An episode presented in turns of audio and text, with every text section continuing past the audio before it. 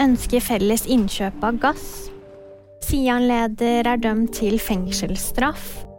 Over 1000 ukrainske byer er uten strøm. EU vil åpne for at gasselskaper kan danne et kartell. Altså at de sammen kan kjøpe inn gass til EU. Målet er å forhandle frem bedre avtaler. Dette er ett av flere krisetiltak som EU-kommisjonen foreslår i en ny energipakke. Sian-leder Lars Thorsen er dømt til tre uker i fengsel for å ha sprayet forsvarsspray på tre personer. Det skriver Vårt Oslo.